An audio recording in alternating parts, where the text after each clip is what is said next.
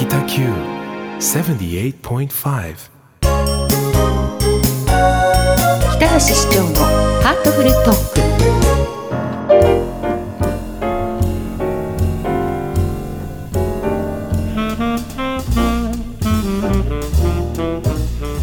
北橋市長のハートフルトーク。まずは北橋市長のブログ、フェイスブックから市長の近況や関心のあることについて伺います。市長はキッザニア甲子園などを視察されたそうですがどんなところに興味を持たれましたか？今年の8月にあの自由川高校が甲子園に出場しましたね、はい。その応援に行くときにですね、まあ、青少年の夢や、まあ、ファンタジーという面でねあの大阪のおプラネタリウムこれ日本で初めてできたところ、はい。ということで見に行ってそして東京とお甲子園に2カ所あるキッザニアというところを視察したわけです。はい。でキッザニアに行きますとねあの子供たちがあの憧れているいろんな会社のねええ。ユニフォームを着たりしましてね、はい。親元を離れてですね自分の好きな会社を選んでそこでいろんなあー体験をしている姿を視察させていただいたんですがまずあの設定が夜になっておりましてね。え入り口があの飛行場のあのカウンターなんですね、えーそして子供がこう一人入っていってで到着すると夜の世界で街灯がついていると。その中で自分の好きな会社を選んで制服を着て、えーいろんなあーオリエンテーションがあってね、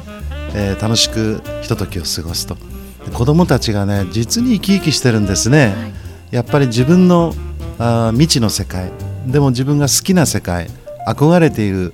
そういうところで親元を離れてですねいろんなことを試行錯誤しながらあー学習している姿っていうのは私感動しましたね。はいまたあの応援されているあの日本の代表的な企業の皆さん方も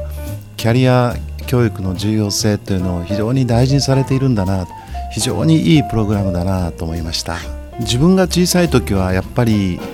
野球選手になるのが夢でした。そうでしたか？でもやっぱりこれは大変な世界だなってだんだん分かってきて、はえー空に舞い上がって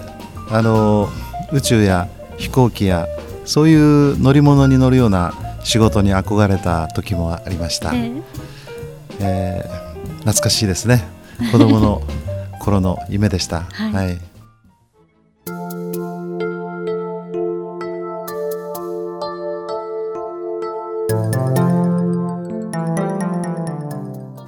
半は北九州市の健康づくりの取り組みについて市長にお話を伺います。市長よろしくお願いいたします。よろしくお願いします。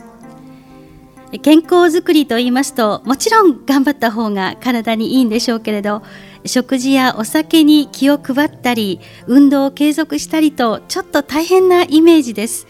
やはり美味しい食事やお酒はやめられませんよね。そうですねでもあの健康でいることは仕事はもちろん趣味やボランティアとか生涯現役で元気に暮らしていくためにやはり一番重要なことですね。はい。食べ過ぎ飲み過ぎ運動不足喫煙など不健康な生活習慣を続けていますと肥満高血圧高血糖などから糖尿病心臓病脳卒中などの重い病気にかかってしまいます。ちちなみに吉野さん北九州市の国民健康保険の1人当たり年間医療費はいくらぐらいだと思います？ちょっと想像がつかないですけど10万円ぐらいですか？およそ36万6千円なんです。えこれは政令指定都市20あるんですがその中で広島市に次いで2番目に高いんです。はいまあ、高齢化率が高いということも要因の一つですが、まあ、本市ではがん糖尿病で亡くなる方が全国に比べ多いことにも関係しています。そうなんですね。市民の健康づくり市長これは放ってはおけませんね。はい、これらの課題を踏まえて市民の健康づくりに向けて今年度から健康づくり推進プランを北九州市はスタートさせました。どんな内容なのかお聞かせいただけますでしょうか？健康づくりは定期的に健康診断を受けて場合によっては医療機関を受診したり食生活を改善したりと個人で気をつけていただくことが基本です。これを一人でしようとしますと時にはまあ辛い時もあるでしょうし、はい、なかなか長続きしないもんです。そこで今回のプランはみんなで元気みんなが元気健康モデル都市北九州。これをスローガンにしまして健康づくりを企業やボランティアなど周りの人たちがサポートしていく。社会環境の整備に力を注ぐんです。具体的にはどういったことに取り組むんでしょうか？今年度から始めたのが北九健康づくり応援店です、はい、食を通じた健康づくりとして飲食店食料品の販売店が栄養成分表示やヘルシーメニューの提供また全面禁煙など5つある項目のうちいずれかに取り組むとその店を応援店として登録します、はい、軒先に目印となるステッカーを貼ってもらい市民の皆様にご利用をいただくというものです。飲食業界と連携して市民の健康づくりを支えていこうということですね。今どのくらい登録されているんでしょうか？8月末現在で59社213店舗です。うちも登録したいけど栄養成分表示のやり方がわからないとか減塩メニューを作りたいと希望されるお店には栄養士を派遣してアドバイスすることもできますからぜひお申し込みいただきたいと思います。健康志向の方の利用が増えるとお店にもメリットが生まれます。ウィンウィンの関係なんですね。他に取り組んでいることはありますか？はい。北九州市健康づくり活動表彰も始めました。企業や団体の健康づくりの取り組み例えば従業員による禁煙の活動や地域イベントで健康相談や体力測定を実施する、まあ、そういった活動を検証して表彰するものです。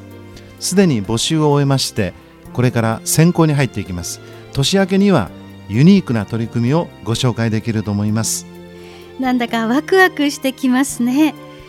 私たちも健康のために何か考えないといけないと思いますが市長おすすめはありますか？そうですね、えー、ウォーキングもいいですし健康マイレージ事業というのはいかがでしょうか。40歳以上の方が対象となりますがマイレージポイントを貯めると健康づくりにつながる景品や地元の産品がもらえます。きっかけ作りにはもってこいと思います面白そうですね。どうやって参加するんでしょうか？まずは健康診断を受診する。これで1ポイントです、はい、そして例えば市民センターやスポーツ施設で行う健康教室また企業を行う健康づくりのイベントなど健康マイレージの対象事業に参加しますと1ポイントがもらえます。合計5ポイントまたは10ポイント集まると地元特産品などの景品と交換できるわけです。対象事業は市のホームページでご覧いただけます。健康になるだけではなく景品ももらえるんですね。